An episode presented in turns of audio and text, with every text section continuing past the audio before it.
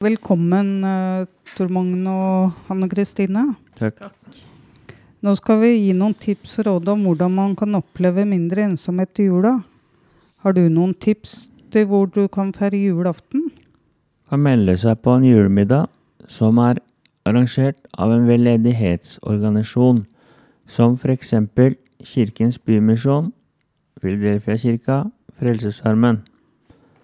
Du kan også undersøke i den byen der du bor. Hvis jula er vanskelig, kan du lage nye tradisjoner. Dette har jeg erfart, og synes det fungerer og har hjulpet meg mye. Takk, Tor Magne. Hvis du syns det blir for mange å feire jul med, hva kan man gjøre selv for å unngå å sitte alene på julaften? Ja, da kan man ringe en god venn. Invitere i god tid, så ikke det blir stress, og planlegge. Eh, senke krava og eh, f.eks. Eh, du trenger ikke bruke mye penger for å få lage en god julemiddag. Og lage en god stemning, sånn at det blir skikkelig julestemning og ja, noe å huske.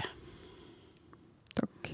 Håper det var nyttige tips. Ønsker alle en fin og fredelig jul, og ta vare på hverandre.